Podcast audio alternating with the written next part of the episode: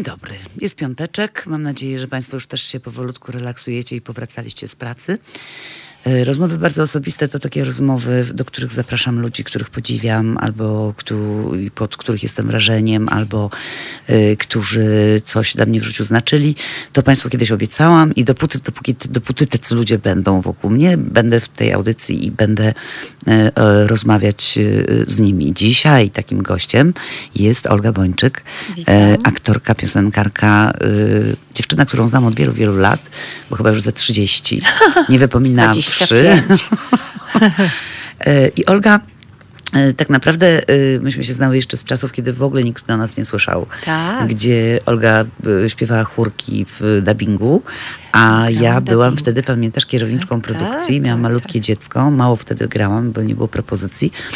E, I wtedy właśnie e, Olga przychodziła jako aktorka i tak. byłaś niezwykła w tych Disneyach, pamiętam, no, że potrafiłaś 7 godzin śpiewać po prostu te piosenki, które tak. były dosyć trudne tak. do disneyowskich seriali. Zwykle tak było rzeczywiście i to był takie piękne dla mnie 7 lat, bo tak sobie kiedyś to przeliczyłam, 7 lat w dubbingu, które naprawdę mm, bardzo dużo mi dały, bo też dużo mnie nauczyły.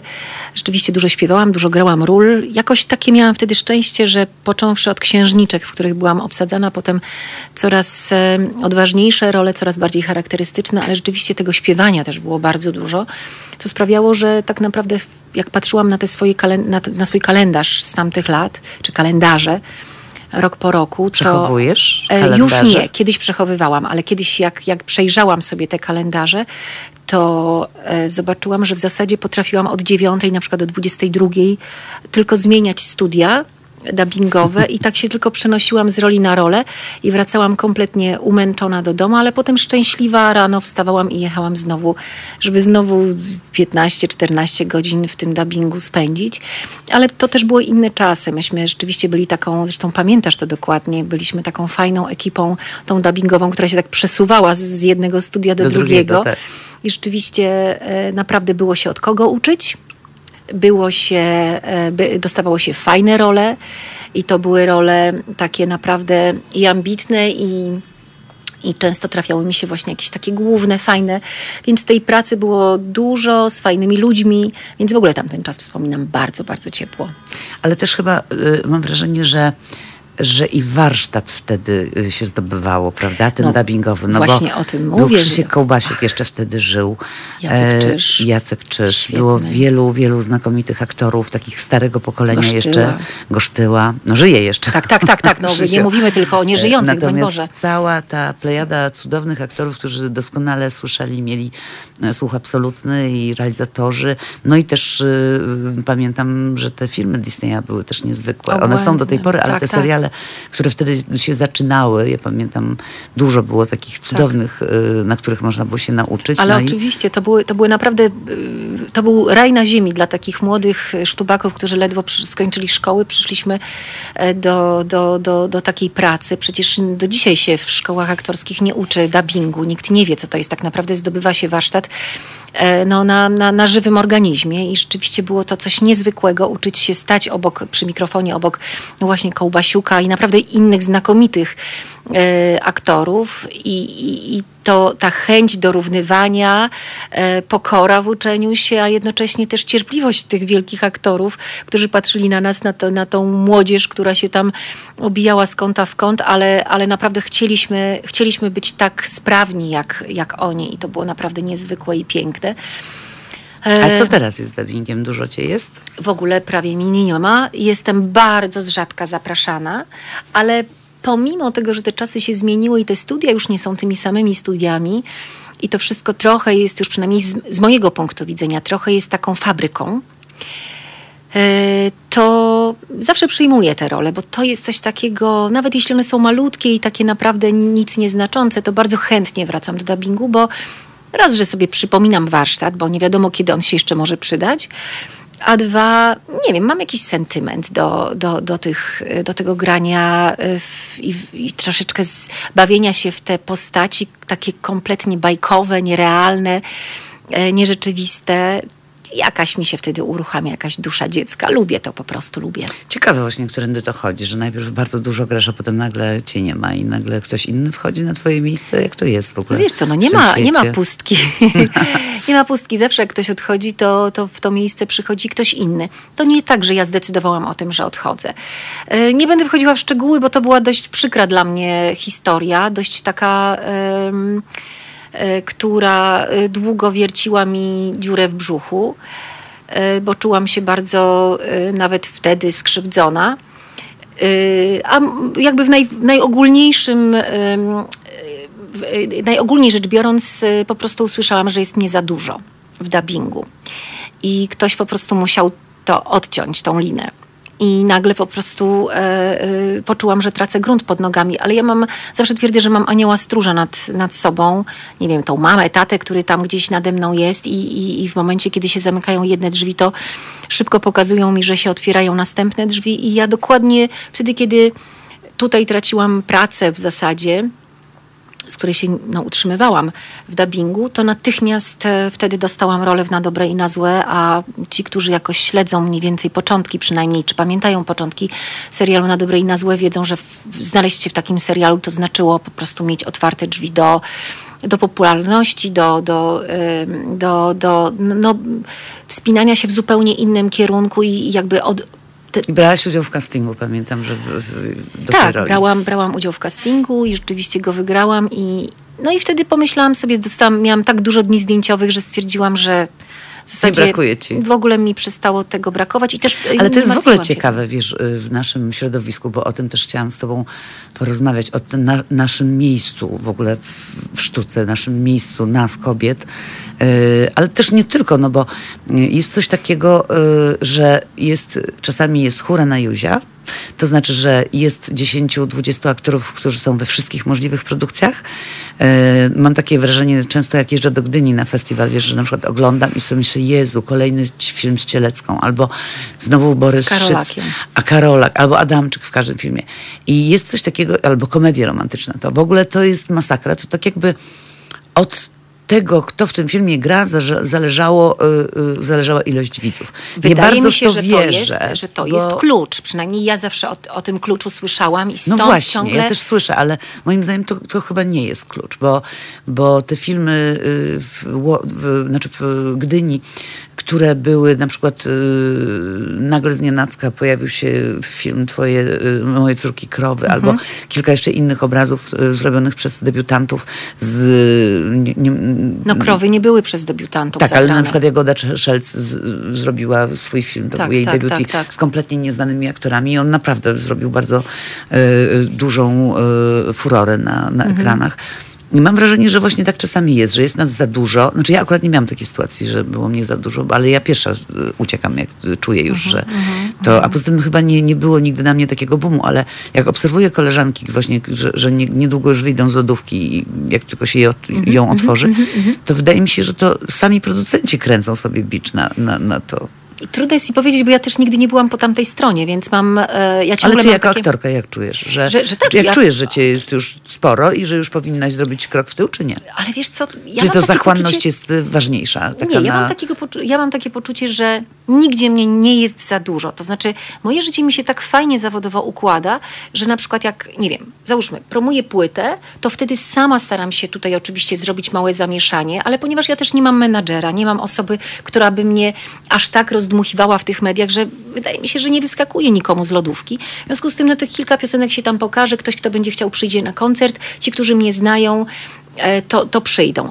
A w tym czasie na przykład, nie wiem, jak jest premiera jakaś, no to, no to też wtedy, kiedy jest ta premiera, to czy jestem w teatrach, jakichś spektaklach, no to jest nie tutaj. Ale ja nie mam takiego poczucia, że ja jestem jakoś, że, że, że no, no, no, nie jestem obsadzana w, w, w, tych, w tych y, y, komediach romantycznych, nie jestem tą pierwszoligową aktorką, o którą się zabijają producenci, więc mam takie poczucie, że, że w porównaniu do tych y, aktorów, których wymieniłaś przed chwilą, no to jest mi daleko, daleko, daleko, żeby być aż e, e, tak wziętymi i tymi z pierwszej ligi.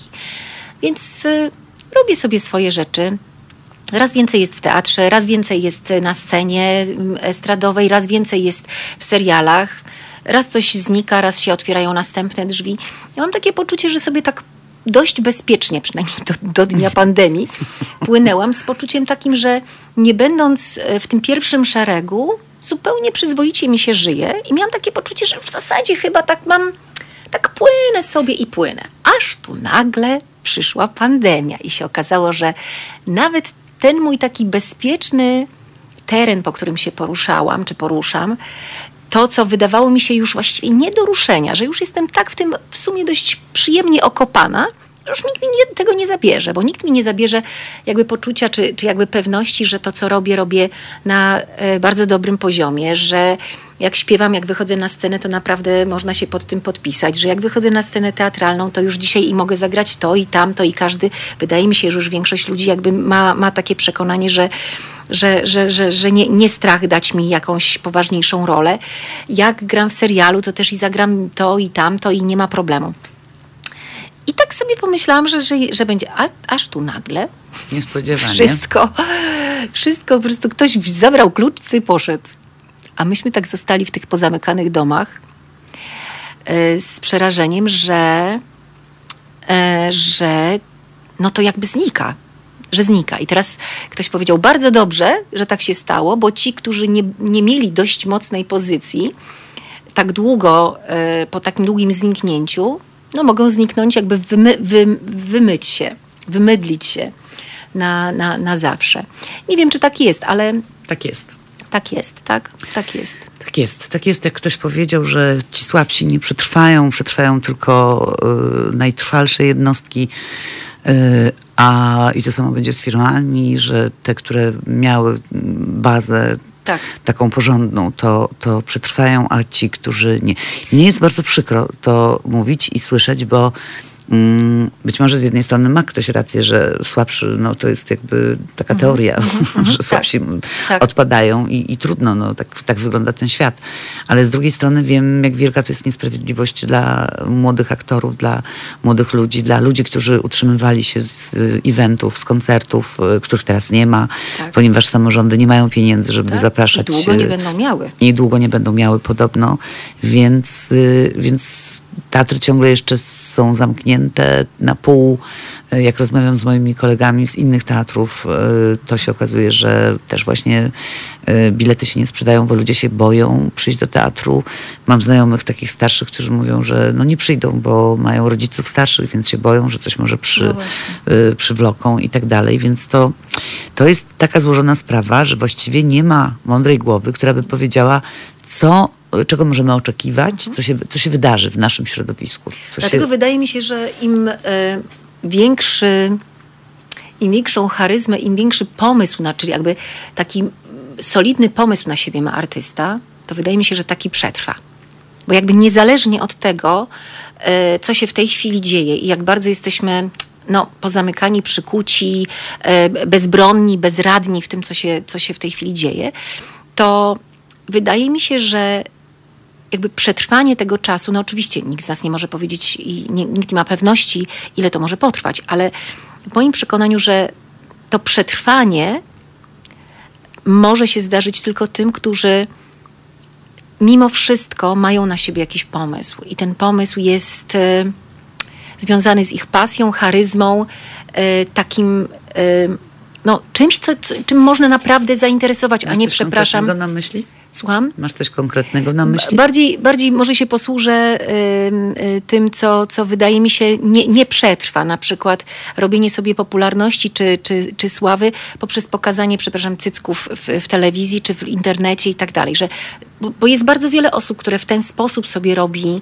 e, szum wokół siebie z takich rzeczy, które są potwornie miałkie, ale są efektowne, czy efekciarskie, o tak bym powiedział, efekciarskie. Natomiast myślę, że w tej chwili ponieważ ten widz się skurczy, bo będzie wybierał teraz te naprawdę wartościowe rzeczy, no to wydaje mi się, że jak ma ktoś wydać pieniądze na bilet, to wyda pieniądze na bilet, który jest coś wart, ma jakieś znaczenie, e, że, że za tym biletem, za, tą, za tymi wydanymi 50 czy 100, 100, 100 złotymi stoi jakaś e, no, taka niepodważalna wartość.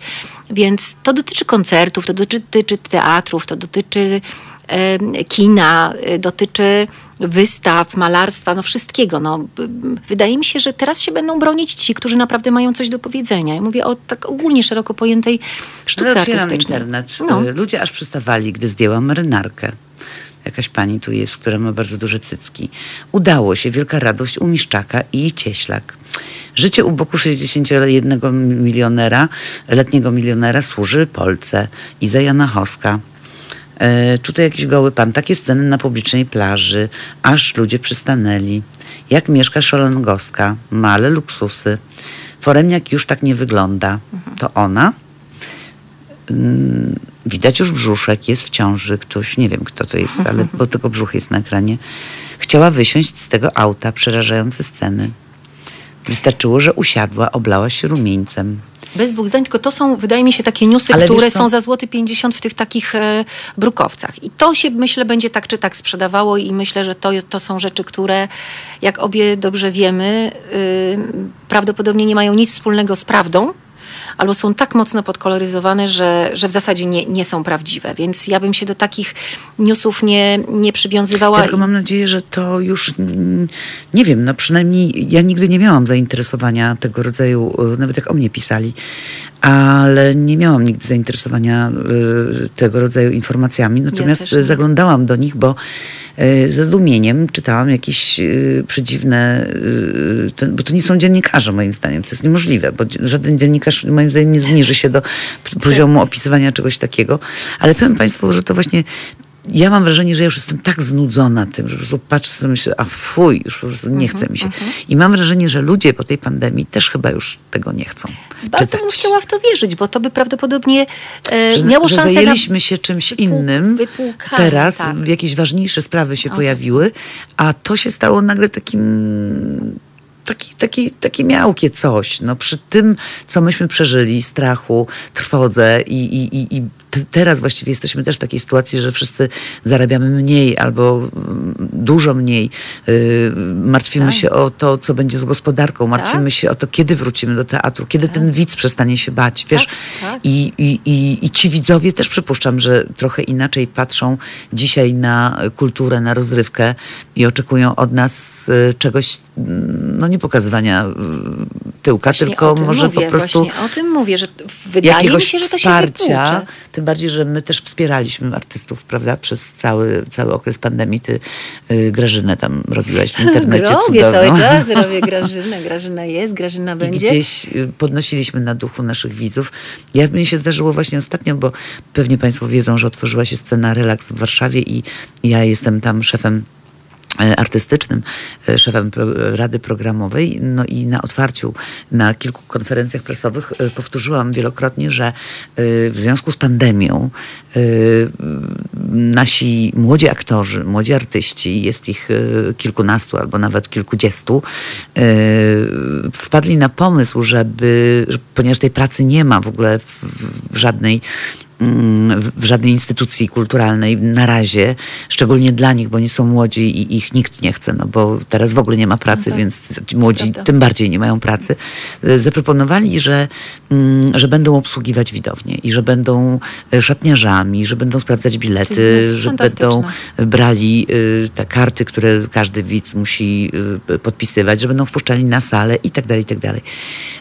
Ja się ucieszyłam, no bo pomyślałam sobie tak jak ty, że to jest fantastyczne, że rzeczywiście nie będziemy musieli ogłaszać naboru do y, pracowników, y, na pracowników obsługi Mm, i przystali również właściciele sceny Relaks na to, żeby tak się stało.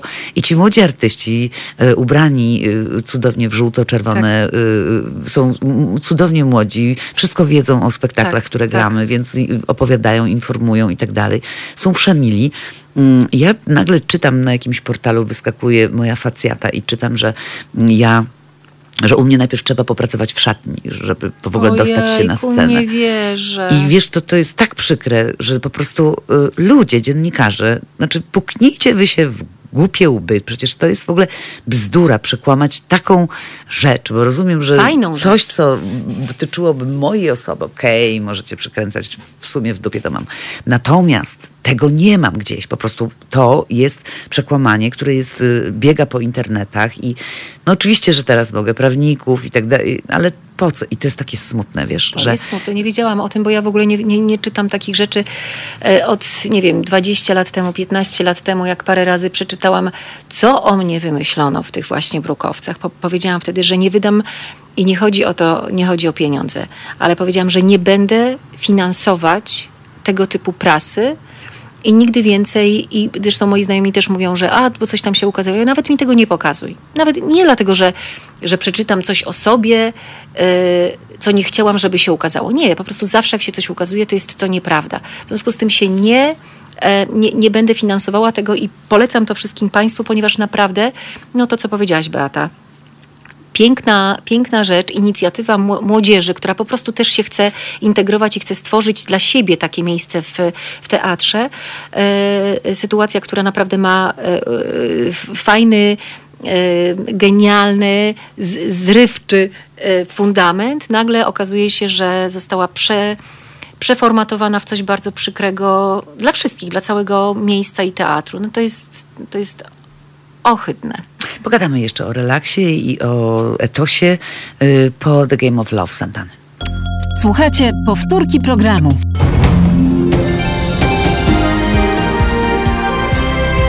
Halo Radio. Halo Radio, rozmowy bardzo osobiste. Ja się nazywam Beata Kawka, moim gościem dzisiaj i Państwa gościem jest Olga Bończyk, piosenkarka i aktorka. Czytam tutaj, y, wszyscy nas witają, Olu. Y, pani pisze, że widziacie i oglądała serial na dobre i na złe. Jedna z naszych słuchaczek y, tutaj już o filmach widzę rozmowy na YouTubie i co tutaj właśnie piszą. Pan Gabriel pisze, że w ogóle nie ogląda, bo wystarczy, że zobaczy zwiastun. No po zwiastunie, panie Gabrielu, to nic nie wiadomo jeszcze. E, pani Baj pisze, że na Ninatece widziała dużo fajnych polskich filmów. Dużo jest bardzo fajnych polskich filmów, tak, moim zdaniem. Ja akurat mówię, mówiłam o tych, które były niefajne, ale mogę też wymienić wiele bardzo Oczywiście. fajnych. Pan Gabriel pisze tak samo jak seriale dla tak zwanych kurdomowych. Samo życie. Moja matka oglądała ten chłam. O, to ciekawe, panie Gabrielu. Wie pan co? To nie był chłam, na pewno. Mm, jeżeli ja w tym grałam, to nie był chłam, bo dosyć, e, dosyć mm, no jestem wybredna, jeśli chodzi o, o to, żeby, Scenariusze. że tak powiem, no jak już jest coś bez sensu, to przynajmniej staram się to wypełnić. To był bardzo fajny serial i to jest udokumentowane w internecie i wszędzie indziej. I scenariusze były naprawdę znakomite. Nina Teka, wypróbuj. Tak, polecam. E, Nina Tekę, bo rzeczywiście jest bardzo dużo fajnych teatrów, telewizji też. Tak, e, i to, I, i, to, I to jest e, pan Andrzej Dyszak, pani Jolanta Krogulec, już, już, już kojarzę to nazwisko. Witam Halo Radio i słuchaczy. Witamy pani Jolanto. Pan Andrzej Dyszak pisze, zapraszajcie naukowców i lekarzy, którzy mają odmienne zdanie od tego z oficjalnej wersji dotyczącej pandemii. Inne głosy są dostępne jedynie w internecie. Panie Andrzeju, no nie będę chyba roztrząsać e, sprawy pandemii. Mam na ten, na, na ten temat swoją własną prywatną teorię, że e, ktoś nas zamknął i te nawet na rozum gospodyni domowej, jaką się uważam, te 2000 czy coś ponad 2000 zgonów na 38 milionów to nie jest żaden wynik, ale też mam wytłumaczenie właśnie od zaprzyjaźnionego lekarza, który tłumaczył mi, że prawdopodobnie uratowało nas to, że w trakcie y, w czasie y, komuny i znacznie później mieliśmy obowiązek szczepienia na gruźlicę i między innymi dlatego tych zgonów u nas było dużo mniej, bo prawdopodobnie ta szczepionka zadziałała. Podawał również przykład byłego NRD i RFN, że w momencie, kiedy bada się te dwa obszary, to właśnie widać, że dużo mniej zachorowań było na terenie NRD, gdzie też te szczepionki były. Wymieniał także Czechosłowację. Powtarzam zdanie fachowca. Mm, sama wiem, że to jest że to jest y, trudny temat, ale rzeczywiście jest coś na rzeczy, że jesteśmy ogłupieni zupełnie i totalnie. Y, I wygłupieni, bym powiedziała, takie moje tak. słowo ulubione, bo, bo tak naprawdę y, byłam na planie zdjęciowym mhm. serialu Usta Usta, też pewnie głupawy. E, I tam, żeby w ogóle pracować na planie, musiałam y, y, y, no, dokonać testu na koronawirusa, bo tylko wynik negatywny dawał mi prawo do pracy, więc wykonałam ten test. Oczywiście nie mam koronawirusa, nie, nie, nie stwierdzono. No i pojechałam na plan, gdzie na planie, jak Państwo pewnie się domyślają, pracuje kilkadziesiąt osób. Aktorów było nas tam kilkoro, dosłownie na palcach jednej ręki policzyć. Za to ekipy jest bardzo dużo, jest bardzo dużo oświetleniowców i różnych takich e, ludzi, którzy pracują e, tam gdzieś za naszymi plecami po to, żebyśmy my aktorzy mogli zabłyszczeć. Ci wszyscy ludzie byli ubrani w maseczki, byli ubrani w przyłbice, e, i też byli po testach na koronawirusa.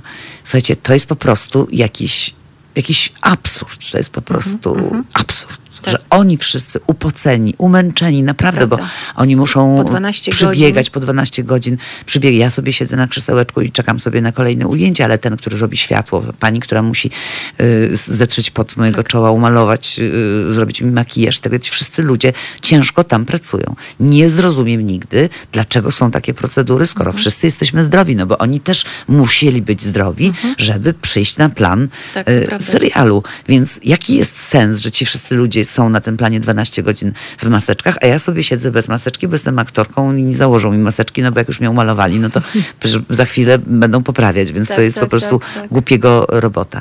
Więc y, więc to, y, to też jest, y, absurdów jest w ogóle bardzo dużo, bo kiedy się tak przejdzie po sklepie, to ludzie mają maseczkę pod nosem.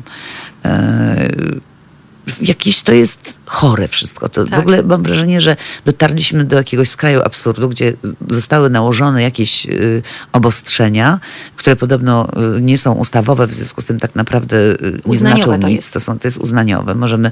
Ale z drugiej strony możesz dostać e, mandat i to dość wysoki, bo te mandaty się co chwilę zmieniają i się e, ta stawka podwyższa.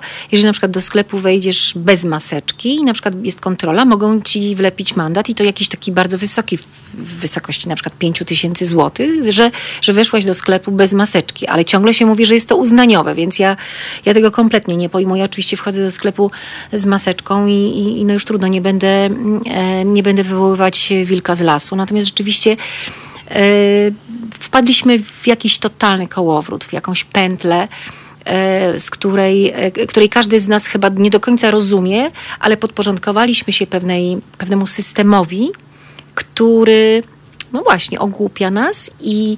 Ja mam wrażenie, że to jest też jakiś rodzaj takiego zastraszenia, no bo słuchajcie, przecież w teatrze, żadnym teatrze nie było wybuchu pandemii. Nigdzie, w żadnym teatrze w tym kraju nie przeczytałam, żeby nie. gdzieś y, było ognisko czy koronawirusa, czy w, czy w kinie. Kina są puste. Rozumiem, że kina są puste, no bośmy się naglądali Netflixów, HBO i różnych takich. No ale film jednak y, i kino, czy, czy, czy ten obraz ruchomy jest zupełnie czymś innym niż emocja, y, którą się przeżywa w teatrze. Zdecydowanie, I tak. to można zobaczyć u nas w Teatrze Relax, gdzie jesteśmy już po właściwie trzech premierach. I myślę sobie, o tu pan pisze, Sebastian, nie wilka z lasu, tylko Karola Kazikei. Nie wiem, o co chodziło z tym Karolakiem, że nie chciał w maseczce tak, przyjść. Nie chciał tak, w maseczce go wyproszono. No właśnie, mnie też wyproszono, bo akurat rzeczywiście nie miałam maseczki i byłam w sklepie Zara. To są jakieś takie korporacje i mam wrażenie, że, że, że właśnie bardzo nieprzyjemnie powiedziano mi, że muszę wyjść, bo nikt mnie tam nie obsłuży. Okazuje się po, po radzie prawnika, nie mają do tego prawa, muszą mnie obsłużyć. Znaczy, tak mogłabym wezwać policję, i po prostu y, poprosić o obsługę, bo tak zapisane jest w jakimś regulaminie konsumenta. Tak mnie pouczono, ale poszłam sobie, bo nie ma chyba sensu y, mnożyć no tak. y, problemów. Ale wiecie Państwo, jesteśmy po trzech premierach, można zajrzeć na mój profil na Facebooku, wszystko jest upublicznione. Brawa widzów, ogromne emocje aktorów, którzy po raz pierwszy wreszcie stanęli na scenie roku. po pół roku i mogli po prostu wykonać swój zawód, tak. wykonać swoją pracę. Wczoraj mieliśmy gościa specjalnego Zenka Laskowika. Olga uczestniczyła w tym wieczorze. Mm, I gość, było tak, było bardzo wielu, wielu e, widzów. E, wszyscy troszkę przestraszeni e, i w maseczkach. My się staramy pokazać w tym naszym teatrze w scenie relaks, że no, że musimy wracać do, normalności, bo to ta pandemia wiecznie trwać nie będzie. Dzięki temu prawdopodobnie, że byliśmy szczepieni na gruźlicę, to tych zachorowań nie będzie już, Mhm. zgonów może tak, zachorowania pewnie będą, bo musimy wszyscy to przechorować. Tak. Natomiast y, na pewno tych zgonów nie będzie w takiej ilości, nawet jeśli przyjdzie grypa, do której to podobno koronawirus y, może być, y, że tak powiem, Podobny. y, y, będzie- przy, lubi się przyczepiać, powiedział Tak, tak, tak, tak. ten mój znajomy lekarz. Praca aktorów w teatrach nabrała teraz zupełnie nowego wymiaru. Tak, pani Bajubaj, rzeczywiście. W, w, jest coś takiego, jest jakaś podniosłość teraz w teatrze. Jest, Tak. Ja jestem na zewnątrz, bo ja swoją premierę wydałam już w sierpniu i jestem gospodynią sceny Relaks, więc wychodzę do widzów, witam, żegnam, rozmawiam i widzę atmosferę podniosłości, Tak. Widzę atmosferę poruszenia, wzruszenia widzów, którzy mogli przyjść i znowu pośmiać się, bo przecież scena relaks jest miejscem, gdzie będziemy się po prostu bawić. No i tu dotarliśmy do tego momentu najpiękniejszego w tej audycji, a mianowicie dlaczego Olga tutaj dzisiaj jest ze mną. Kiedyś dawno temu, jak tylko zaczynałam e, prowadzić tę audycję, Olga była e, moim gościem przez telefon. Tak. Łączyłyśmy się, rozmawiałyśmy mm, wtedy e, o Tak, pandemii, ja o tym, co swojej robisz. kanapie. Tak, ty na kanapie, ja tutaj byłam już w studio. A teraz y, y, ta rozmowa była taką jaskółeczką, y, bo już wtedy wiedziałyśmy, że Olga przyjęła propozycję reżysera spektaklu Antoniusza Diciusa do wzięcia udziału w kolejnej premierze na scenie Relax i będzie to, Abonament na szczęście. nauczyłaś się, A wreszcie, tak. Abonament, bo na początku mówiłam abonament na miłość. Widocznie coś z tą miłością mnie tak ciągnie. o tym też, o tym też pogadamy. W każdym razie e, bardzo dziękuję za zaproszenie, bo kiedy mm, obejrzałam, przeczytałam e, scenariusz, e, mm, dlaczego obejrzałaś? Ty- Obejrzała dlatego, że spektakl ten, zręby tego spektaklu powstały w Teatrze Miejskim w Lesznie i w tym spektaklu grałam ja. Tak. I kiedy okazało się, że mam y, tutaj pracę do wykonania zupełnie inną, y, z reżyserem bardzo długo zastanawialiśmy się, braliśmy pod uwagę mnóstwo aktorek różnorakich, która mogłaby zagrać tę rolę zamiast mnie, żebym ja mogła spokojnie zająć się witaniem Państwa u progu i moimi innymi obowiązkami związanymi z repertuarem w ogóle całości sceny relaks, a za chwilę Teatru Małego. No i po długich naradach wybraliśmy Olgę. wygrałam casting. E, Tak, taki wiesz, szemrany, wewnętrzny. Ale wiesz, co braliśmy przede wszystkim pod uwagę? Nie wiem. Braliśmy pod uwagę oczywiście najpierw y, y, talent i, u, i umiejętności, ale drugim kryterium zaraz potem y, było kryterium y, normalności. Och, To znaczy szukaliśmy aktorki, która będzie y, pasowała do naszego zespołu, która nie będzie miała, jak ja to nazywam, korka w dupie. Przepraszam Państwa za moje ukochane określenie, ale to znaczy, że nie będzie, celne. że nie będzie y, y, y, się sadziła, jak mówiła moja babcia, tylko po prostu wejdzie w zespół, bo spektakl jest niezwykle zespołowy, bo śpiewa w nim trójka znakomitych znakomicie śpiewają. I pamiętam jeszcze, jak Beata powiedziała mi, wiesz, bo w zasadzie ta rola w tym spektaklu dla ciebie nie będzie śpiewana. Ja mówię, jak to? Przecież ja śpiewam. Ale tak, ale tam śpiewa trójka wspaniałych, młodych e, aktorów, którzy no, już to mają wszystko w małym palcu, oni to robią świetnie, no a ty masz tutaj inne zadanie. Trochę tak pomyślałam sobie, że jakieś to, to jest takie dziwne, ale z drugiej strony potem pomyślałam Zaczęłaś pracować, sobie, Zobaczyłaś, jaki to ma sens. to ma ogromny sens, a jeszcze jak zobaczyłam, jak oni śpiewają, jacy są sprawni, śpiewają na głosy. Oczywiście są jeszcze żywi muzycy, którzy towarzyszą e, w całym spektaklu. Pomyślałam sobie, że rzeczywiście, gdybym ja jeszcze się miała tutaj popisywać swoim wokalem, to nie miałoby to kompletnie sensu. Świetną przeciwwagą do, do tych cudownie śpiewających, e, charyzmatycznych e, ludzi e, jest postać, powiedzmy sobie, taka a, a, dramatyczna, która, która tylko jakby opowiada W historię. scenariuszu, w, w, w skrypcie jest zapisana ona. Ona. E, Mhm. I wiesz, e, geneza tego spektaklu, na który Państwa bardzo zapraszamy, bo gramy go 18, 19 i 20 e, szczęśliwie Olga może, bo po, była takie, było takie zagrożenie, że będę musiała ja, ale e, szczęśliwie Olga może zagrać wszystkie te spektakle. W scenie relaks na Złotej 8 codziennie, te dni, w te weekendowe dni o 19 y, możecie Państwo przyjść y, i zanurzyć się w przepięknym tekście Osieckiej, bo geneza tego spektaklu była taka, że ja bardzo chciałam, żeby Antoniusz wymyślił spektakl dla kobiety i Mhm. o kobiecie. I powiedziałam mu, zobacz, Agnieszka Osiecka była taką postacią zupełnie y, kilkuwymiarową, bo ona była i trochę miała z, za dużo testosteronu czasami. Czasami była małą kobietką, a czasami po prostu nieznośną y, babą. Pisała teksty o różnych kobietach, o różnych miłościach, bo to też jest ważne, że w tym spektaklu y, y, i teksty, i piosenki mówią o miłości. I pamiętam, że powiedziałam mu, napisz y, spektakl o kobiecie, która o której opowiemy od momentu, kiedy ona jest młoda, kiedy wszystkie jesteśmy takie pokochane, zakochane, mamy klapki na oczach i, i, i jesteśmy w stanie pójść za tym, Na którego kochamy świata. na koniec świata.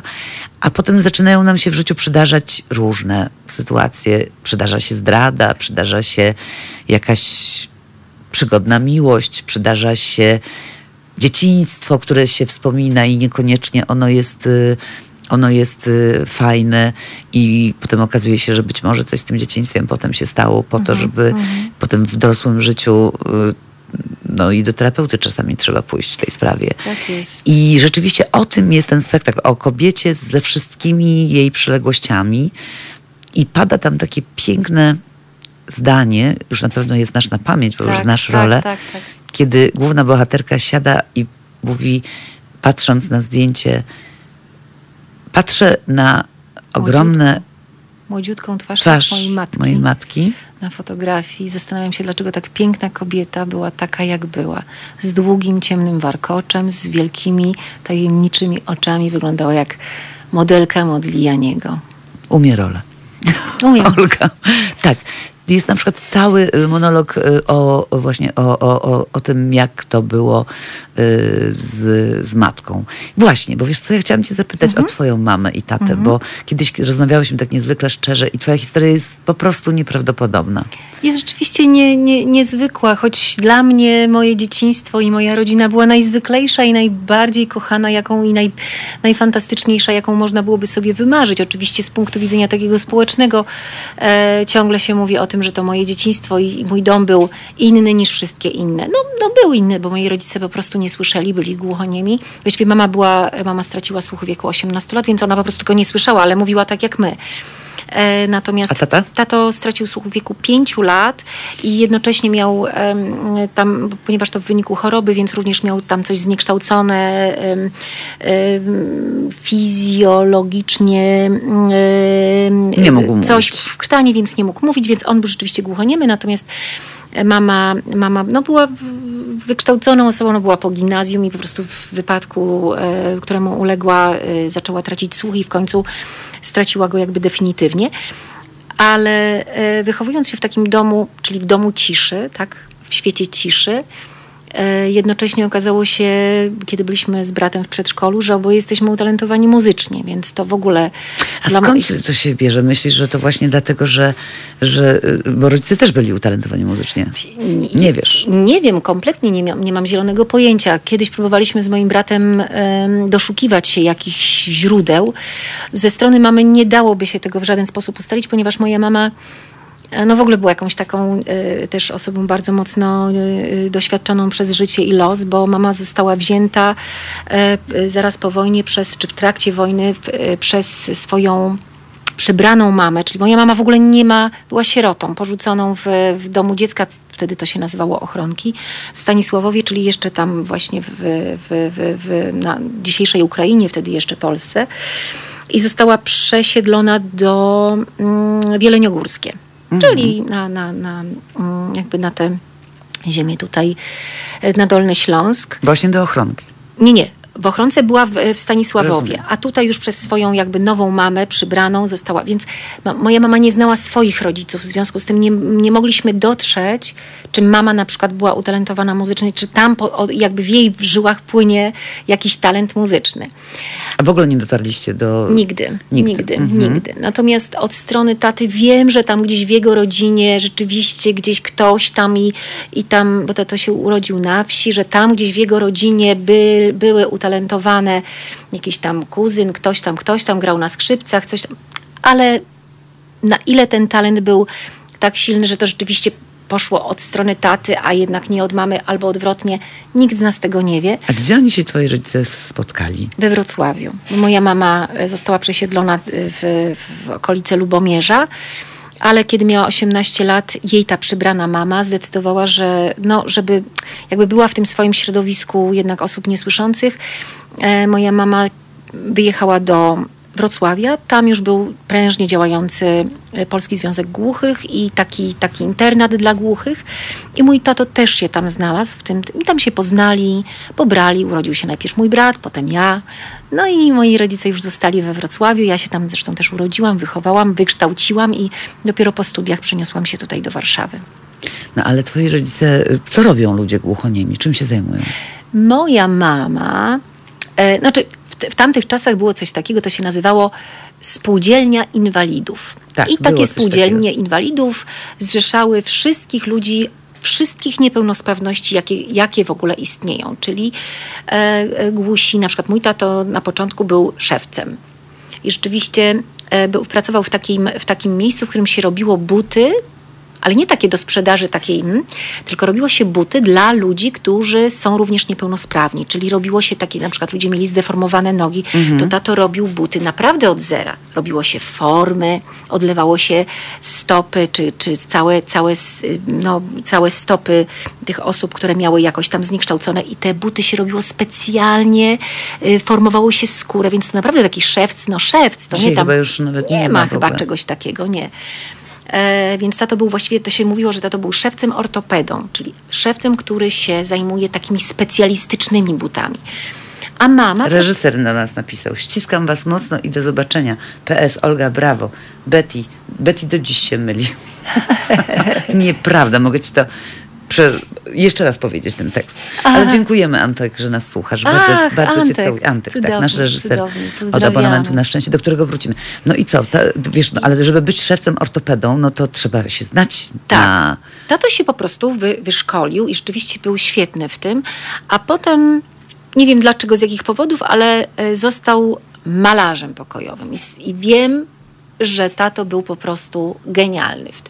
Tapetował, malował, robił remonty ludziom, ale w tym takim właśnie zakresie malarskim. I naprawdę robił to niezwykle sumiennie. Ja chyba w ogóle po tacie też mam e, rodzaj takiej sumienności i takiego dążenia do profesjonalizmu, czasem może za bardzo, ale to wyniosłam z domu. Mój tato był niezwykle e, dokładny i potrafił naprawdę cyzelować każdą dziureczkę, każdą, każdy kawalątek tej ściany, żeby po prostu wyglądał pięknie i żeby nikt mu nie powiedział, że coś tam spartolił. Więc e, myśmy... Z... A mama? A mama e, na początku pracowała w takim miejscu, w którym się robiło pieczątki. Uwielbiałam tam przebywać, bo to były jeszcze takie pieczątki, które się robiło, przyklejało się takie formy z gumy do takich drewnianych tych. I jak na przykład byłam chora, y, to, to mama mnie zabierała ze sobą do pracy, ja tam sobie siedziałam w kąciku i na przykład jak były jakieś spady, to ja sobie robiłam swoje pieczątki i tak sobie później tam odbijałam. No to było w ogóle szaleństwo. To jest, y, dzisiaj, się już dzisiaj to się robi jakoś tam komputerowo, te Tak, pieczątki tak, to tak. już teraz, ale kiedyś dla takiego dzieciaka jak ja to było, to było szaleństwo. Potem mama już przestała pracować, mama była poważnie chora na raka, więc już e, była w domu i w zasadzie zajmowała się tylko tym, żeby się nami opiekować, więc byliśmy, byliśmy zawsze z Mirkiem zaopiekowani, wyprani, wyprasowani, dokarmiani i jedno, czego na pewno, e, jedno, co mogę na pewno o nas, o mnie i o Mi- o Mirku powiedzieć, to na pewno nie byliśmy dzieciakami biegającymi po podwórku z kluczem na szyi, bo zawsze mama była w domu i, i zawsze za bardzo, bardzo o nas dbała. A kiedy się zorientowałaś, pamiętasz w ogóle ten moment, jak byłaś mała, kiedy się zorientowałaś, że twoi rodzice nie słyszą, a przecież musiałaś się nauczyć języka migowego, nie? Jak e, ja, e, znaczy języka migowego uczy się no, siłą rzeczy od, od dzieciństwa, równolegle z językiem polskim. To, jest, to jest naturalne. Jak widzisz, że rodzice rozmawiają ze sobą w języku migowym, to siłą rzeczy uczysz się jakby dwóch języków naraz, więc nie było takiego momentu, w którym ja zaczęłam się czegoś uczyć. Po prostu uczyłam się tak jak języka polskiego. Em, Natomiast to, że moja rodzina jest inna, dowiedziałam się tak naprawdę w szkole.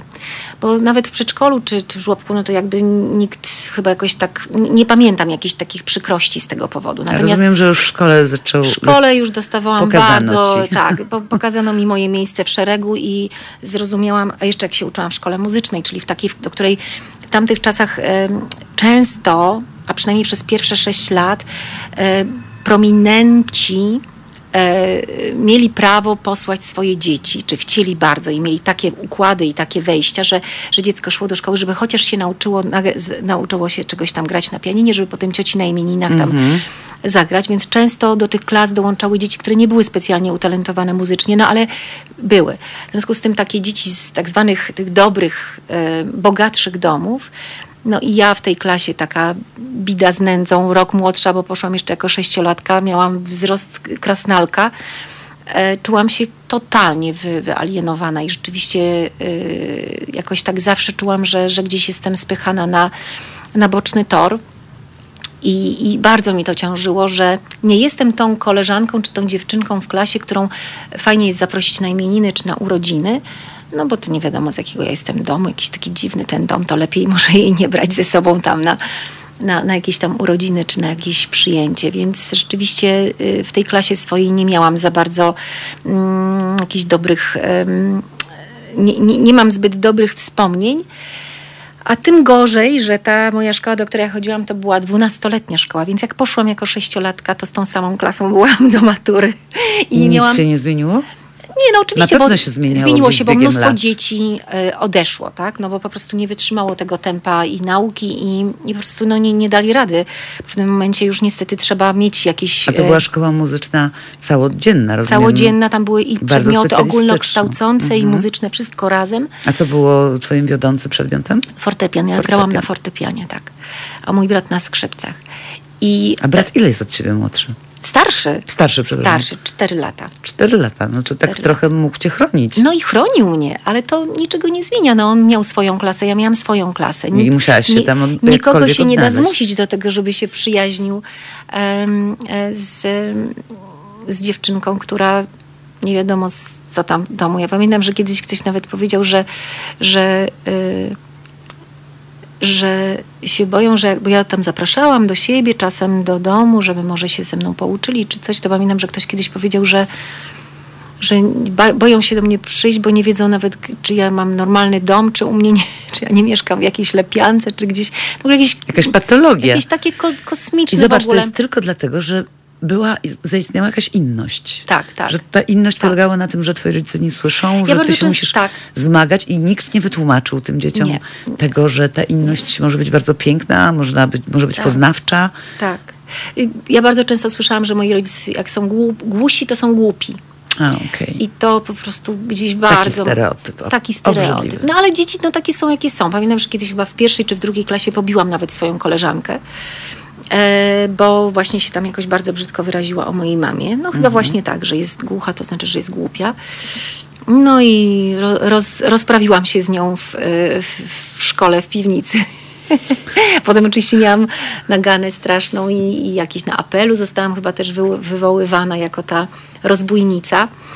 Ale potem, ale wiesz co, paradoksalnie, bo ja tak opowiadam to, bo już parę razy też o tym mówiłam, więc nie, nie będę tego ukrywać, ale też zdałam sobie sprawę z tego, że tamten czas, te 12 lat w klasie, w której nie byłam za bardzo akceptowana, y, paradoksalnie to mi dało taką siłę dzisiaj na, na, na lata, że dzisiaj wiem, że mogę iść przez życie naprawdę sama.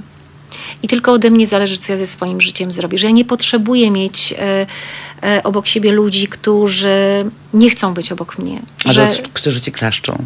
Tak, Nie tak. potrzebujesz w ogóle ludzi, moim zdaniem. Tak, tak, tak. I, i, to, jest, i to jest też taka siła, której się nauczyłam. E, to, to, ogromna lekcja e, na samym początku życia, która dzisiaj tak naprawdę jest bardzo mocną dla mnie, taką liną, której często się trzymam i zawsze sobie myślę, matko, jak wtedy przetrwałam, to co teraz nie przetrwam. Także wiele rzeczy robię e, samodzielnie i, i, i mówi się o mnie, ja wiem o tym, że jestem taką Zosią Samosią, ale też zawsze powtarzam, że oczywiście wiele e, decyzji podejmuję samodzielnie, idę przez, przez ten, podejmuję często, decyzje, które nie są popularne, nie, nie są, często są w spak, e, są pod prąd, ale mam takie poczucie, że jeśli nawet popełniłam błąd, to ja osobiście za ten błąd płacę, a nikogo nie obarczam tym i mm, jakby mam odwagę wziąć na siebie odpowiedzialność za, za swoje błędy i za swoje sukcesy i porażki. I jakoś mam takie poczucie, że, że to jest jakby taką esencją mojego życia i mojej drogi. I nie, nie boję się tego, nie boję się popełniać błędów, nie boję, nie boję się podejmować jakichkolwiek wyzna, wy, wyzwań. E, mało tego zawsze i to też wiele razy powiedziałam, że bardzo lubię pracować i staram się przede wszystkim wybierać te miejsca, w których pracuję, żeby zawsze tam byli ludzie lepsi ode mnie, bo wtedy mam szansę się jeszcze czegoś nauczyć. Bo jak będę tylko odcinała kupony, to no to niczego, to stanę w miejscu, a wi wiadomo, że nie stoisz nigdy w miejscu, tylko się cofasz. No właśnie w przypadku abonamentu na szczęście y, główna bohaterka y, śpiewa tylko jedną piosenkę. Cudownie. Y, zresztą cudowną. Nie powiem jaką, bo lepiej, żebyście Państwo przyszli i posłuchali. Tak, tak. I kiedy Olga dostała tę propozycję od reżysera, to się bardzo zdziwiła i zapytała mnie, no ale bo to tak, ja mówię, no wiesz, bo to takie byłoby oczywiste, nie? że Bończyk Tak. I zaśpiewa śpiewa. i śpiewa cały spektakl. A tu przyjdą ludzie i zobaczą, że Bończyk jest, owszem, ale jakby z kompletnie innym e, wyzwaniem. I myślę, że dobrze to e, Antek Glicus wymyślił, że, Super. że gdzieś e, w którychś momentach wchodzisz właśnie ze swoją muzykalnością, ze swoim głosem, ale jednocześnie no, grasz przepiękną postać kobiety, która właśnie przeszła wszystko, Tak. a ciągle jeszcze wierzy w miłość, wierzy w ten świat, y, y, który już nam się gdzieś tam skończył, ale myślę, że tym spektaklem, wiecie Państwo, mamy szansę dać y, widzowi taką radość i jednocześnie trochę wzruszenia, ale taką radość pokazania tej przepięknej twórczości Agnieszki Osieckiej i jej y, utworów, ponieważ wszystkie przeboje, y, czy Wielka Woda, czy y, Damą być, y, czy no różne tam jeszcze są y, jej piosenki, jest ich Bardzo chyba kilkanaście, dużo, y, wyśpiewywane przez Anastazję Siemińską, y, Agatę Walczak i Kamila Dominiaka, którzy to są moim zdaniem najlepszymi wokalistami w Polsce. One przechodzą w, przez serce do mózgu i ja kiedy grałam w Lesznie ten spektakl, uwielbiałam to robić, ponieważ ja siedziałam i ich słuchałam i mogłabym ich słuchać do, do, do, do końca Dlatego świata. tak się dziwię, że podzieliłaś się tą rolą ze mną, bo, bo, bo rzeczywiście ja ci ją oddałam de facto, ale tylko dlatego, że, że wiem, że to właśnie tak jak powiedział, y, napisał nam Anti, że Betty do tej pory się myli, bo rzeczywiście mm, no, trzeba y, y, dywersyfikować koszty, czyli trzeba po prostu oddawać trochę pola, żeby nie robić samemu i żeby nie, nie, no, jakby nie zawieść, bo ci młodzi ludzie mają wiele prób, a ja jestem zajęta zupełnie innymi Tak rzeczami, więc, więc zawsze było fajnie, że oni teraz mają ciebie na, na, na, na pełen, na full, na pełen Tak, etat tak, tak, i że tak. jesteś z nimi i możecie stworzyć ten spektakl. Ja znowu byłabym tylko trochę, godzinę, pół i bym biegała, to i tak oni to wytrzymali w Lesznie Mhm, bardzo dzielnie. Słuchajcie, 7 sekund y, to jest taki utwór, nie odważę się y, przeczytać y, wykonawcy, bo jest on bardzo, na pewno wiecie o, ko- o kogo chodzi. Duet with Nanny Cherry, tak coś takiego. I po tej piosence wracamy do was i będziemy snuły dalej opowieść. Słuchajcie powtórki programu. Halo Radio.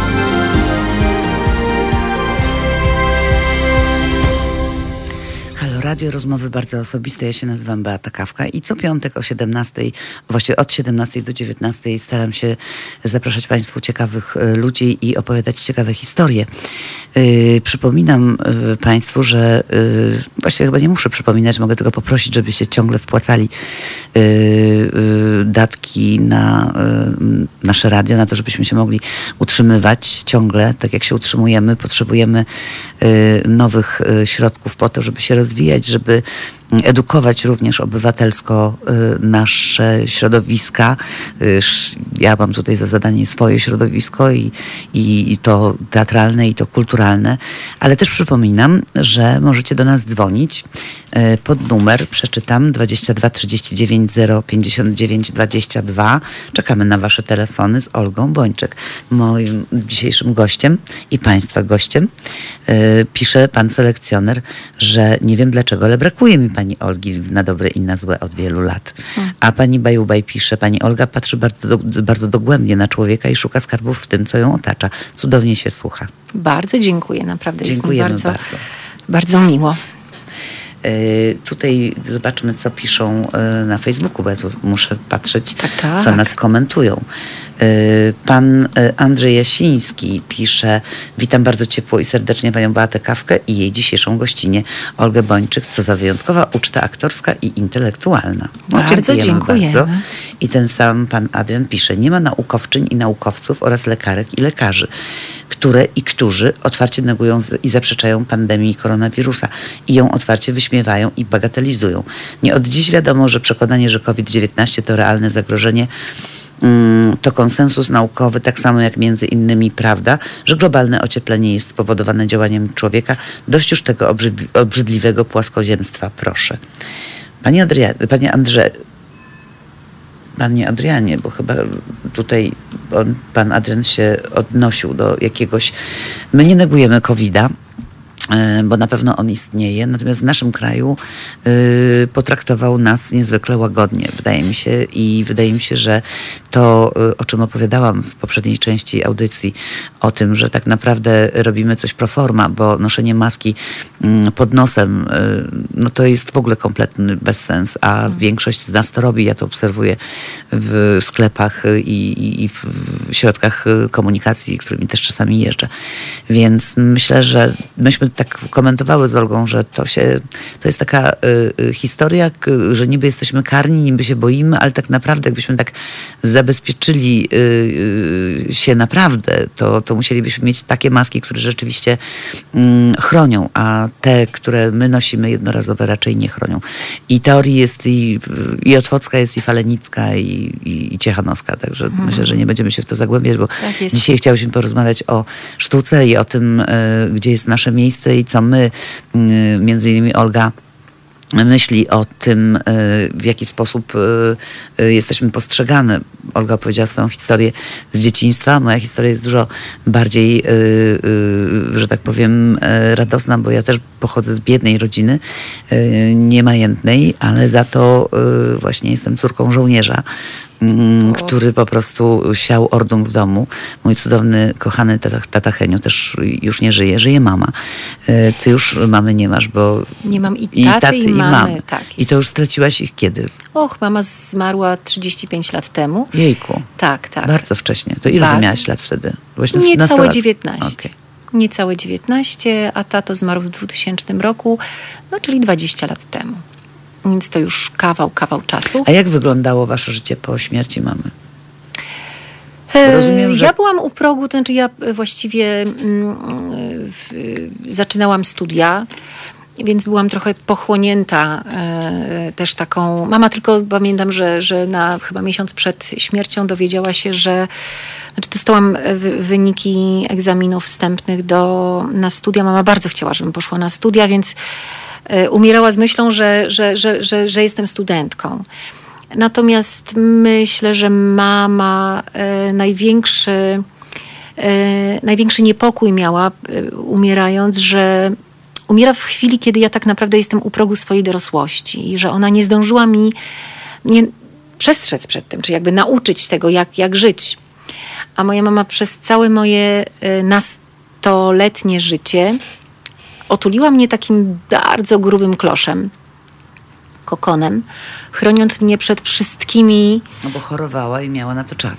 Miała To znaczy- też czas, poza tym e, jako osoba niesłysząca też cały czas mówiła i, i, przestrzegała, że gdyby nam się coś stało, to ona, no w domu nie było telefonu, że ona nie będzie wiedziała, żebyśmy byli y, na to też uważni, żebyśmy jej nie, nie, nie dostarczali dodatkowego zmartwienia i tak dalej. No i myśmy tacy byli, że z Mirkiem, że, że po szkole do domu, zresztą szkoła wymuszała, myśmy siedzieli w domu, drapialiśmy lekcje, potem trzeba było ćwiczyć, ćwiczyć w ogóle nie było czasu na koleżanki, kolegów. Ja tak na dobrą sprawę w ogóle nie, nie nauczyłam się nie, nie, nie wiedziałam, jak wygląda, jak mogłoby wyglądać dorosłe życie. Mama zawsze mówiła, bądź dobra dla innych, inni będą dobrzy dla ciebie.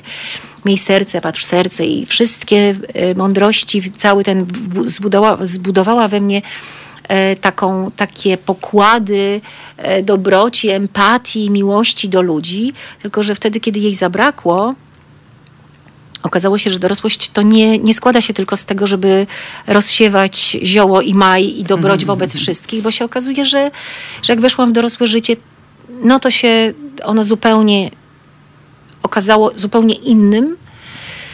E, no i zaczęłam obrywać dość szybko i na sobie uczyć się tej dorosłości. Na całe szczęście wtedy ja zaczęłam pracować w zespole Spiritual Singers Band, więc bardzo dużo koncertowałam i wyjeżdżałam, więc siłą rzeczy byłam wciągnięta w taki tryb znowu pracy, koncertowania, życia na scenie, ale wyjazdy, więc to też było wiadomo, jak wyjazdy, no to w, w hotelach i, i, czasami i wieczory, i wyjścia gdzieś nocne do miasta. Mój tato był przerażony, że wpadłam prawdopodobnie w złe towarzystwo, on nie do końca rozumiał, co to jest. I oczywiście... Yy, jakby nie problemem było to, czy ja wpadłam, czy nie wpadałam w dobre, czy złe towarzystwo, bo akurat tutaj się dość potrafiłam chyba jakoś dyscyplinować, natomiast ja kompletnie nie, nie umiałam wchodzić w związki damsko-męskie i tutaj po, po, poległam bardzo szybko i bardzo szybko okazało się, że, że moja dobroć, czy jakby taki, takie oddanie zostaje wykorzystywane. Totalnie i bardzo długą drogę przeszłam, żeby, żeby zrozumieć pewne rzeczy, pe, pe, pewien sposób. E, Ale raz wyszłaś za mąż. Dwa razy nawet. Dwa razy. O, Dwa masz. razy. A o drugim to nie wiem. E, to było króciutko, króciutko, ale też widzisz, ja, nie, ja kompletnie nie miałam, nie, nie zostałam wyposażona, czy jakby się nie nauczyłam um, um, mówić nie. W związku z tym, jak ktoś mówił, wyjdź za mnie za mąż, to mnie było głupie powiedzieć nie. Do tego stopnia. To było to drugie małżeństwo. Właśnie, bo, bo akurat małżeństwo z Jackiem Bończykiem uważam za, za niezwykle udane i, i, i pewnie jakiś brak dojrzałości na pewnym etapie spowodował, że, że to nasze rozstanie stało się faktem.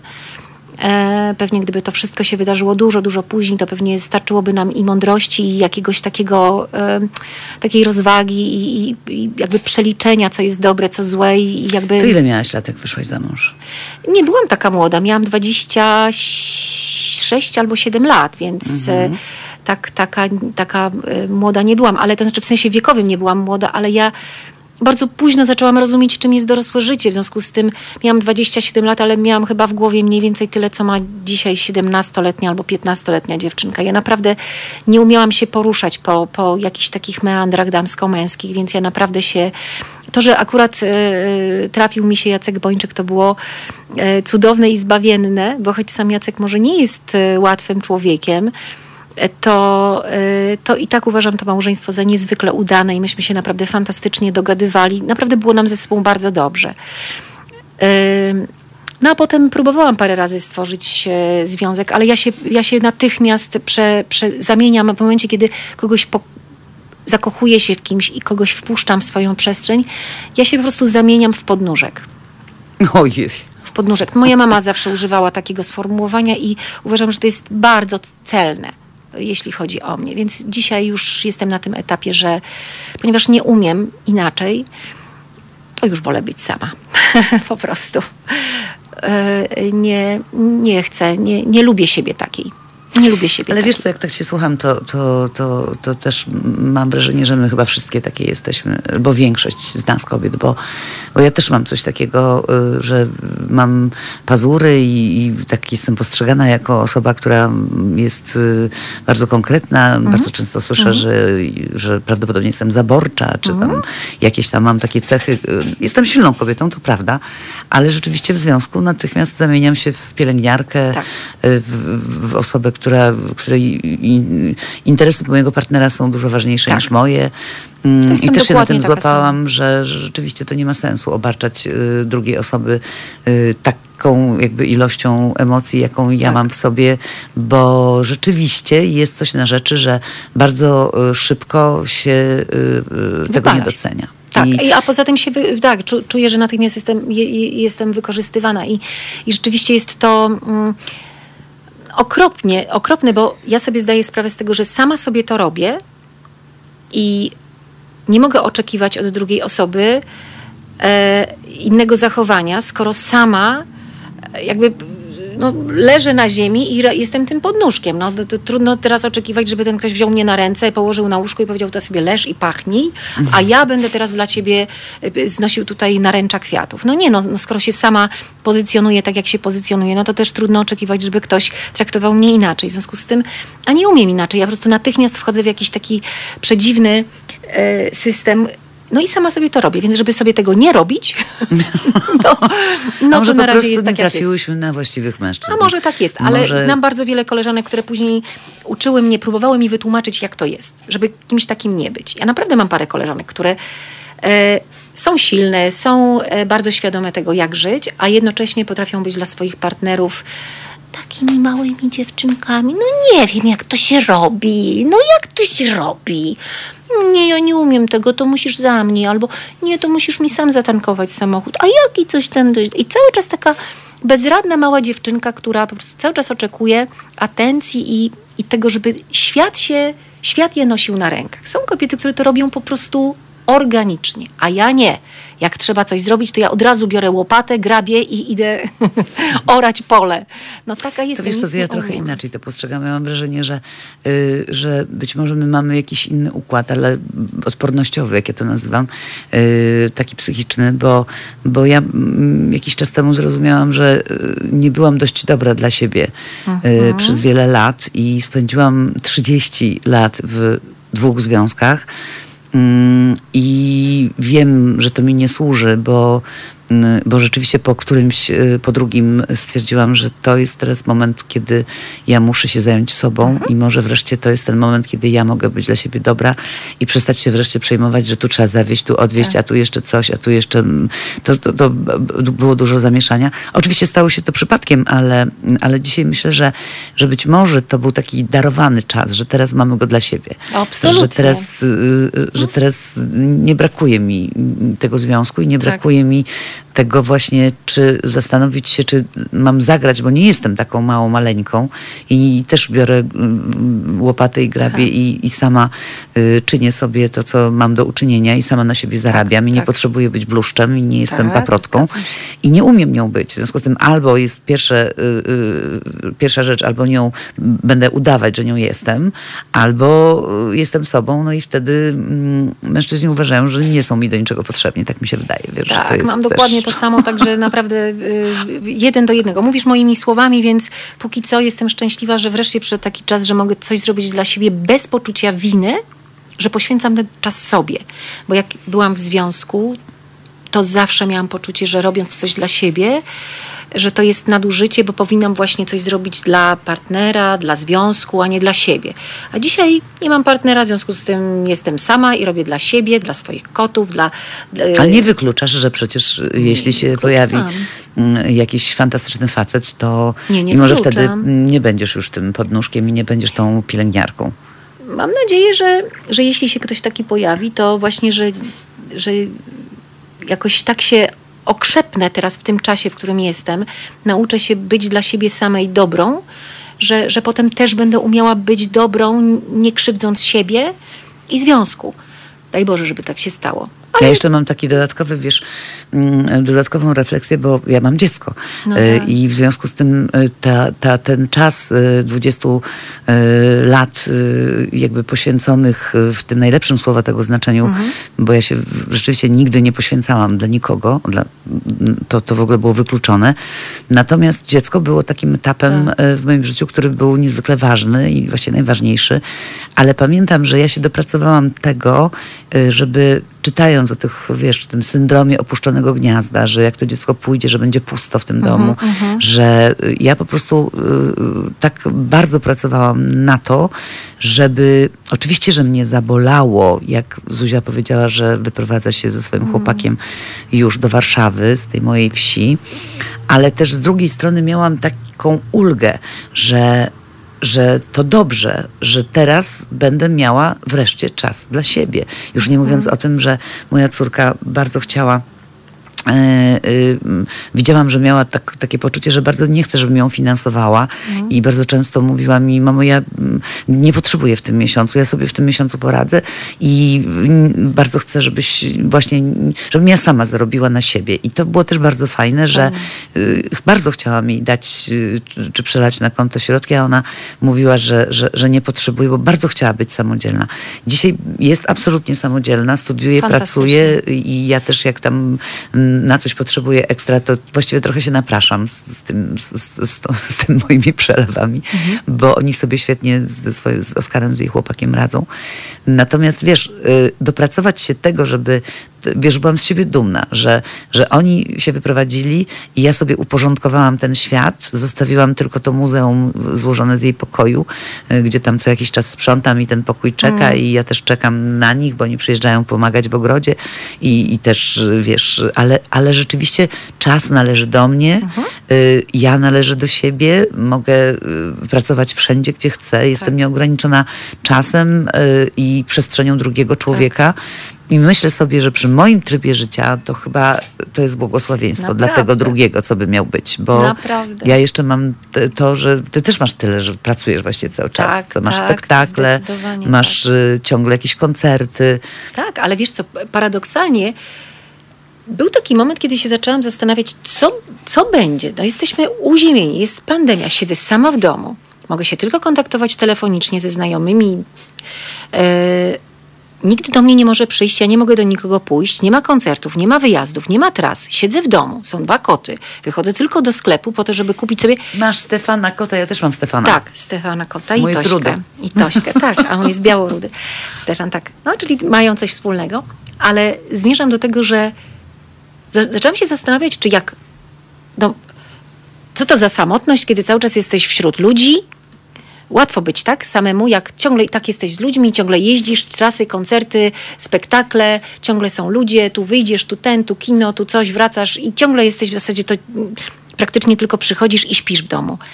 A przyszła pandemia i pół roku siedzisz sama w domu z tymi kotami. Nikt nie może do ciebie przyjść, nigdzie nie możesz wyjść, z nikim się spotkać.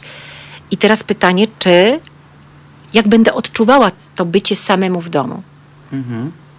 Uwielbiam być sama w domu. Ani przez sekundę się sama ze sobą nie nudziłam, ani nie pamiętam takiego dnia podczas tej pandemii, żebym e, myślała o tym, o kurczę, ale fajnie by było jednak, gdyby jednak ktoś był ze mną w domu. Ani sekundę. A to, daj Boże, było pół roku. No i teraz powiedzmy, co będzie dalej, no bo yy, za chwilę zaczniesz próby. Tak naprawdę już, już, już się, już już się, się- troszeczkę się ruszyło, więc rzeczywiście jest więcej. Wracam powoli, paradoksalnie, no, to, to, to jest i tak kropla w morzu tego, co ja miałam przed pandemią. Ale mam wrażenie, że sobie tak odpoczęłam, tak, tak mm, jakby odzwyczaiłam się od tego takiego rygoru i reżimu codziennego dnia, zapisywania w kalendarzu, że tu muszę zdążyć, tu ten, tu tom, tu, tu załatwić to, to, to, to, to, że teraz jak mam dwie rzeczy w ciągu albo trzy rzeczy w ciągu dnia, to mam wrażenie, że sobie nie dam rady. Odzwyczaiłam się, muszę się na nowo tego nauczyć. No i teraz y, y, zaczynasz próby, okazuje się, że tak, y, całymi dniami są próby, no bo mamy teraz właściwie nie, do, do piątku będzie tam powiedzmy ze pięć dni, ki- takich bardzo intensywnych, Mhm. Tak. kiedy będziesz od rana do wieczora w Tak, teatrze, tak. bo musimy postawić spektakl. Jak się Państwo domyślają, spektakl to postawienie świateł. Michał Pisko Skorski będzie biegał pomiędzy y, y, sceną a, a, a reżyserką, żeby y, zrobić cudowne światła, bo w tym spektaklu te światła Piękne. naprawdę też są Obłędne. obłędne. W niedzielę rano Maciek, nasz scenograf, postawi, postawi scenografię. Scenografia będzie się składała z przepięknego widoku pokoju w kamienicy z ogromnymi drzwiami i z ogromnym Pięknym oknem. Na scenie stoi fortepian, na którym Tomek Betka będzie wraz z zespołem, y, z perkusistą i z y, Radkiem Kontrabasistą. będą y, tworzyć, y, y, no, Oprawę odtwarzać, muzyczną. że tak powiem, y, tę oprawę muzyczną, którą Tomek Betka zaaranżował. No i będzie się tworzyła magia. Tak. Ja uwielbiam te momenty, naprawdę. Jak już jest taki tydzień do premiery, to jest jakiś taki zupełnie magiczny czas. Sama dobrze wiesz, że różni, y, różni y, aktorzy bardzo różnie ten czas e, emocjonalnie przeżywają. Jedni wpadają w jakiś totalny popłoch, e, w, w panikę, e, w, w, są nie do, nie można z nimi w ogóle porozmawiać, bo są rozdrażnieni. Nie, nie można w ogóle w żaden sposób do nich podejść, bo są po prostu tak jak tykające bomby. A ja ten czas uwielbiam, zwłaszcza oczywiście, kiedy mam takie poczucie, że ogarniam, tutaj użyję takiego zabawnego, ogarniam kuwetę, czyli mam tekst już naumiany, wiem co mam grać, bo dla mnie tak naprawdę najważniejsze jest to, żebym ja wiedziała, co ja mam grać.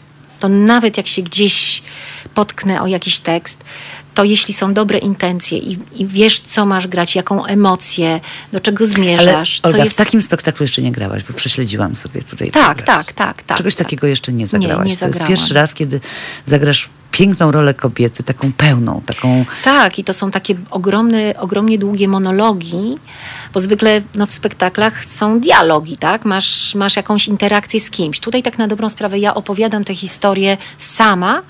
a- animowana przez trzy postaci, właśnie trzech naszych wokalistów, którzy jakby podpowiadają ci wspomnienia Tak. z, z, twojego życia. Wspomnienia na przykład o alkoholu, Tak. wspomnienia o matce, wspomnienia o mężczyznach, z Tak. którymi byłaś, o takim, co to miał was dwie, bo miał też żonę. Tak.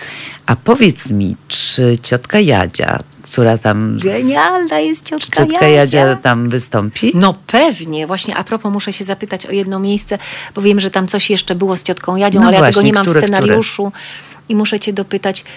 E, Bo ciotka Jadzia jest takim kontrapunktem w opowieści Fantastycznym. y, naszej bohaterki, bo ciotka Jadzia jest prostą kobietą mieszkającą na wsi i w kontrapunkcie do matki, która właściwie tylko zarażała główną bohaterkę lękiem, ciotka Jadzia była osobą przyziemną, która dawała naszej bohaterce y, dobre rady, na przykład Tak. mówiła o mężczyznach, oni chuj wszystki taki sami i no, No, rozmiary mają różni. mają różni. Albo na przykład mówiła, chłopu się całej dupy nie pokazuje i, I no no pół. pół. I ta ciotka Jadzia jest y, y, taką y, osobą w życiu głównej bohaterki, która daje jej wytchnienie, która jakby daje jej ten, ten, ten balans taki. Fantastyczne jest to odbicie i uważam, że, że to jest, że ta ciotka Jadzia robi taką fantastyczną. E, nie wiem, czy mogę na antenie mówić, jak my to aktorzy często mówimy, że czasem trzeba. E, mogę powiedzieć brzydko? Mogę? Możesz, no przecież nasi Tak? słuchacze to nie, nie znają No, ale to jest, to jest no, y, tak, tak, takim, takim skrótem myślowym my, się- y, my się aktorzy por- porozumiewamy, że na scenie trzeba czasem coś przypierdolić, żeby odpuścić. I to jest coś takiego e, właśnie w, e, w, tym, w, tym, e, w tych monologach dość długich, w których opisuje się coś i, i się tak już spiętrza taka energia i nagle taka wrzutka o ciotce Jadzi jest cudownym takim odpuszczeniem, żeby wziąć powietrze i żeby pójść dalej z tekstem. I to jest rzeczywiście fantastyczny zabieg, który uważam, no idealnie został tutaj wpleciony i ta ciotka Jadzia robi naprawdę super robotę.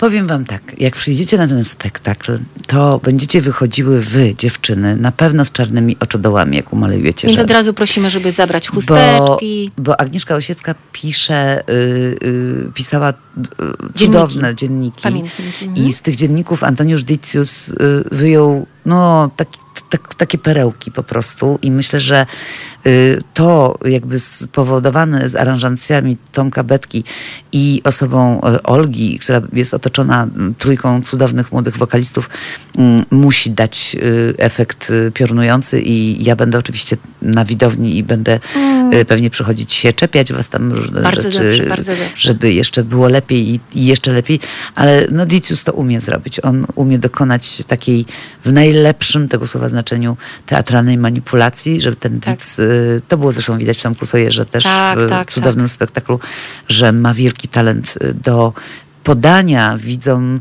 czegoś y, zupełnie wysmakowanego, takiego prawda. dopracowanego do, do, do ostateczności. To prawda, ja z Antkiem nie, nie pracowałam do tej pory. Spotkaliśmy się no, po raz pierwszy przy, przy tym projekcie i przyznaję, że jak zobaczyłam Antka, to sobie pomyślałam, boże, taki chłopczyk, to tak pewnie będzie się, pewnie się będzie krygował, będzie się bał coś powiedzieć, jakoś tak, jakoś nie, nie, nie, nie zderzyłam sobie jego... Też tak myślałam na początku współpracy, ale potem się okazało, że... To jest niezwykle... On po prostu i tak postawi na swoim. Tak, konsekwentnie dąży do, do swojej wizji, robi to w sposób niezwykle rzetelny, bardzo jasny i przejrzysty dla aktora, bo to nie chodzi o to, żeby zmusić aktora do zagrania czegoś tam. Ja muszę wiedzieć, dlaczego mam to zagrać.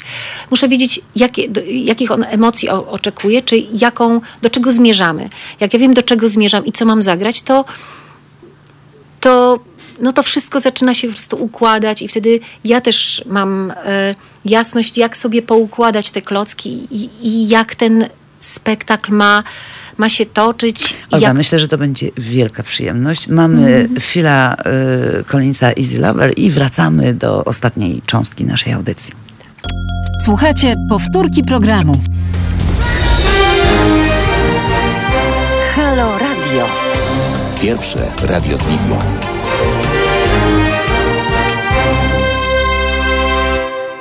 Halo Radio, rozmowy bardzo osobiste. Za chwilę będziemy kończyć audycję. To będzie mm, ostatnia część naszego spotkania z Olgą Bończyk, moim gościem, moim i Państwa gościem. Rozmawiamy sobie tutaj e, o, o różnych sprawach, o teatrze, o jej nowej roli e, w spektaklu Abonament na szczęście według Osieckiej w reżyserii Antoniusza Diciusa. W scenie Relaks na Złotej 8, drodzy Państwo, 18, 19 i 20 września, września w samym sercu Warszawy, w, w samym sercu kultury odbędzie się coś bardzo pięknego. Bardzo Was na tę e, ucztę zapraszam, bo ja wiem, e, jak ten spektakl będzie wyglądał.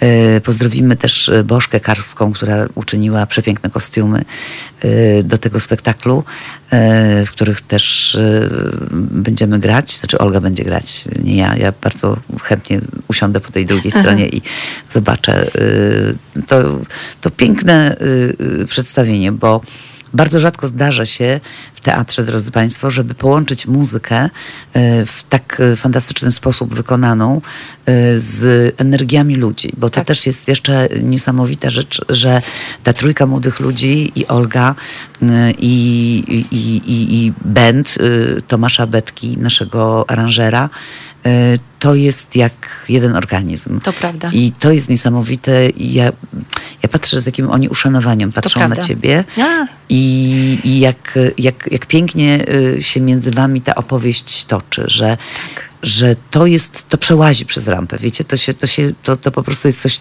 fantastycznego i myślę sobie, że warto to zobaczyć, bo, bo, bo to będzie kawał świetnej sztuki. Ja już Państwu zazdroszczę, że Państwo będą mogli to zobaczyć i rzeczywiście mm, jest to, jest to nie, niezwykła opowieść, może dlatego, że ona jest bardzo ludzka, że bardzo ludzka i taka bardzo przy ziemi e, i że ta historia, którą e, opowiada główna bohaterka, ona, jest taka bliska każdej kobiecie, że każda z nas przeżyła i te swoje pierwsze miłości, i rozstania, i zdrady, i poczucie A w ogóle to jeszcze jest tak, odrzucenia. tak, że, że, że w tym spektaklu to nie jest tak, że tu jakaś będzie snuja po prostu, y, tylko, tylko tam są różne momenty. Y, jest jeden taki moment, mm, kiedy y, Agnieszka Osiecka, przecież wiadomo, że tam był problem z alkoholem. Za kołnierz nie wylewała. Rzeczywiście za kołnierz nie wylewała. I ona pisze w swoich dziennikach, że ona mogłaby na temat y, y, kropelek y, zrobić wykład. I mogłoby się to nazywać ten wykład jak? ten wykład. może się nazywać architektura picia. No właśnie, no bo jak piją, jak ona, ona opisuje y, y, to picie, y, że Ka- każda, każdy, każdy naród pije inaczej.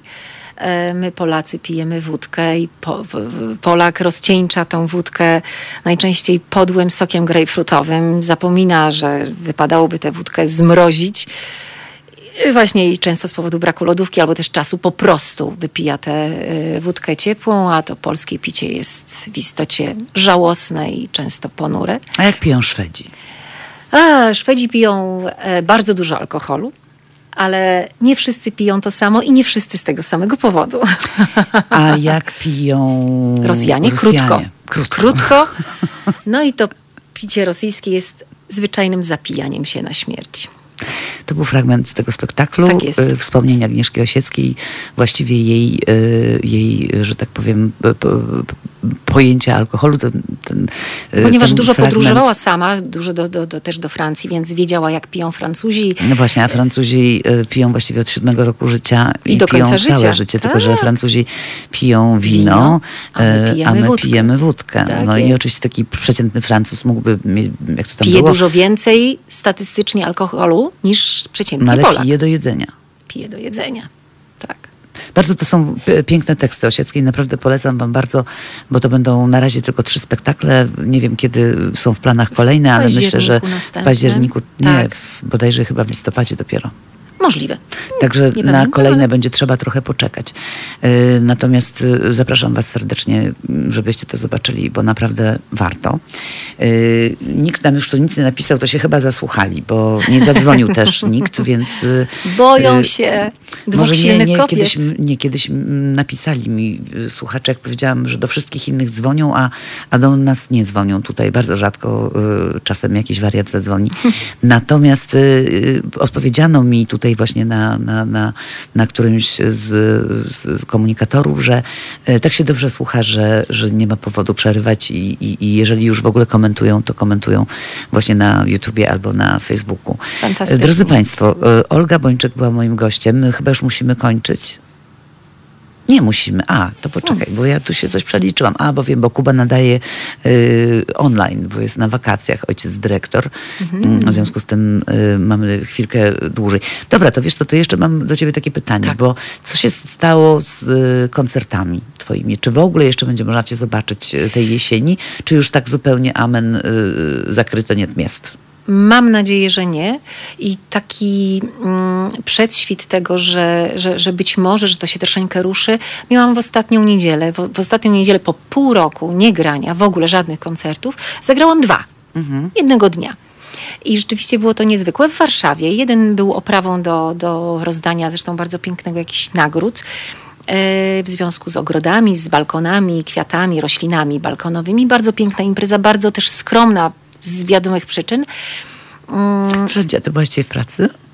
Dzisiaj byłam w pracy, dzisiaj, dzisiaj nagrywałam, a propos koncertów, dzisiaj nagrywałam e, no też taki przedziwny... Bo ty się e, sama malujesz, czy cię ktoś maluje? Nie, ja się sama maluję. A Wiecie, jak ona ma umalowane oczy pięknie? No bo miałam dzisiaj e, kon, właściwie koncert, taki mini koncert, nagrywany, jest festiwal, za chwilę będzie festiwal e, organizowany przez e, Dom Kultury w Piasecznie i normalnie te festiwale co roku się odbywają z publicznością, e, z piękną oprawą, ale ponieważ no wiadomo jest jak jest, więc... E, więc e, e, zdecydowano, że ten koncert będzie nagrany. Więc ja dzisiaj rano pojechałam do Domu Kultury w Piasecznie i każdy z artystów nagrywał swoje 20 minut no, z taką mini publicznością. E, Ale tak no, było to nagrywane, żeby za chwilę ten materiał był zmontowany i będzie go można zobaczyć No a w, co z tymi koncertami, bo ci przy, w, niedzielę zagrałam dwa koncerty, więc ten jeden, o którym już wspomniałam, a drugi był w, na Targówku, w takim domu, niewielkim domu kultury, gdzie ludzie przyszli, usiedli na takich e, plażowych tych takich fotelach, tak? To są fotele, krzesła takie fotele, takie, takie Leżaki. leżaki ogrodowe. Koncert, moi muzycy, wspaniała oprawa, ludzie w kocykach, bo to koncert był o 20 wieczorem, kocykami poprzykrywani, w maseczkach siedzieli plenerowy, piękny, wspaniały koncert. I Ale cho- pytam, czy coś będzie jeszcze? No bo jak już było, to było. Be- będę grała w październiku w, w Inowrocławiu koncert. Wiem, że potem będę grała o, w Kutnie. w moim rodzinnym mieście Naprawdę. będę grała. I na Wrocławiu. Fantastycznie. Kto cię zaprosił? Tomek? Nie pamiętam kto, nie pamiętam, ale w Kutnie potem też jest festiwal e, e, Wasowskiego i Przybory mhm. e, i tam też będę e, grała z moimi muzykami, więc no, te kilka ocalonych koncertów, które już miałam w planach od, od wielu, wielu miesięcy, jakoś przetrwało, nie zostało wymazane z, z grafiku, więc one się I na to już jest jakaś jakaś Iskierka, nadzieja. Kochani, tak. powiem tak, y, wy widzowie jesteście dla nas teraz pracodawcami. I Tak jeśli wy nie przyjdziecie na koncerty, nie przyjdziecie do teatru, to my, artyści, y, będziemy bezrobotni. Będziemy bezrobotni, będziemy biedakami. Więc jeśli wy macie pracę, y, wracacie do pracy i możecie pomyśleć o tym, że wasz powrót na y, widownię to jest nasz chleb, mm, to będzie mi bardzo miło, bo myślę, że być może wtedy pomyślicie, że warto przyjść. A poza tym, poza tym aspektem jeszcze jest ten aspekt relaksowy, to znaczy y, zapraszamy Was na spektakl, y, akurat ten abonament na szczęście w scenie relaks, y, bo to będzie taki moment, kiedy będziecie mogli się wzruszyć, pośmiać i tak, tak naprawdę zapomnieć o Bożym świecie. I bardzo bym chciała, żebyście poczuli takie emocje w nagrodę po tym wszystkim, co wszyscy tak przeżyliśmy. I myślę, że trzeba wracać do teatrów, trzeba wracać do, mm, na koncerty, życia. do kin, do normalnego życia powolutku i bo chyba I nie mamy innego wyjścia, tak. bo jak tak. mawiała ciotka Jadzia, i to minie. Tak Kochani, dziękuję Ci Olga, że Bardzo przyjechałaś dzisiaj do studia. Dziękuję Państwu wszystkim, którzy nas słuchaliście. Za tydzień znowu o 17 będę tutaj z Wami. Myślę, że będę troszkę krócej, bo będzie to wtedy próba generalna o 19. Będę musiała chwilkę wcześniej wyjść. Mhm. No ale może na przykład y, ojciec dyrektor wcześniej rozpocznie audycję. Więc mhm. dziękuję Wam za dzisiaj y, i do usłyszenia za tydzień.